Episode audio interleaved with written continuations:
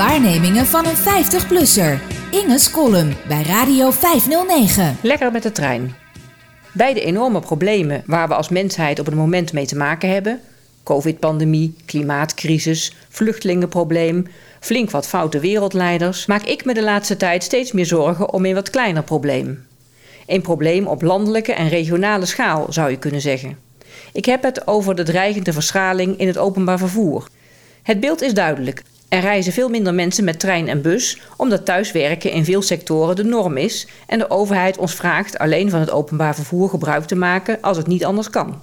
Of het zin heeft om het OV te mijden uit angst voor een virus, laat ik hier even buiten beschouwing.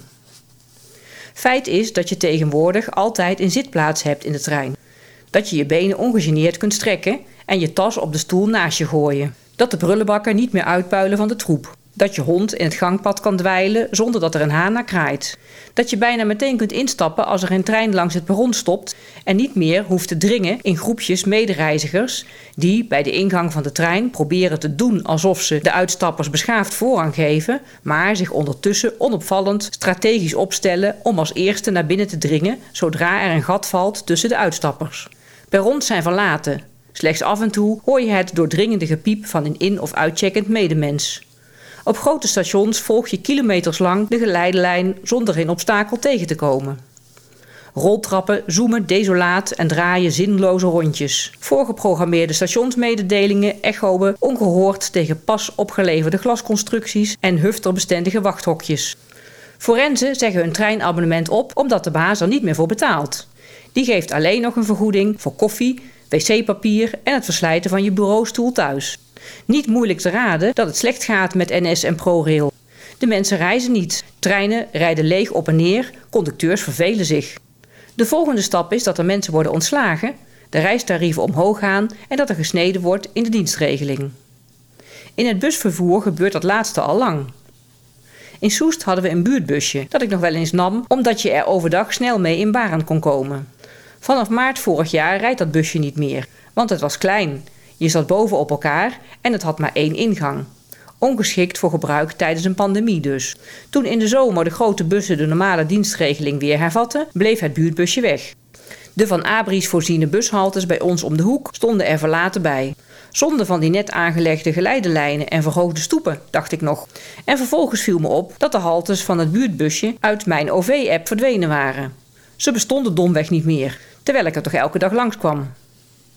Andere buslijnen rijden minder vaak, niet meer op zaterdag en zondag, niet meer na 7 uur s avonds.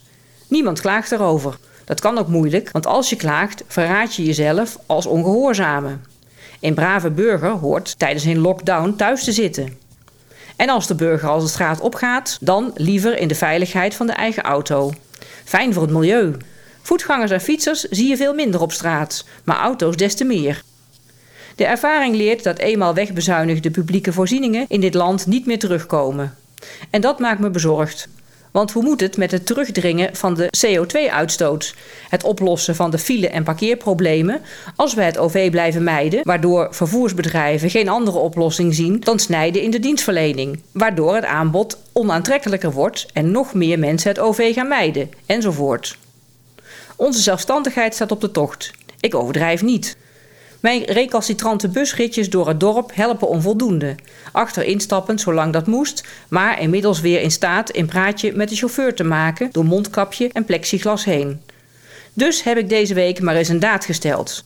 Ik heb mijn treinabonnement, geheel tegen de tijdgeest en de ratio in, laten uitbreiden. Ik mag vanaf morgen gratis rijden op het traject Baren-Utrecht. Nodig is het pas over een half jaar, als we naar de andere kant van Soest zijn verhuisd. Maar het voelt als een daad van verzet, een statement. Tegen de verdrukking in. Ik ga lekker met de trein.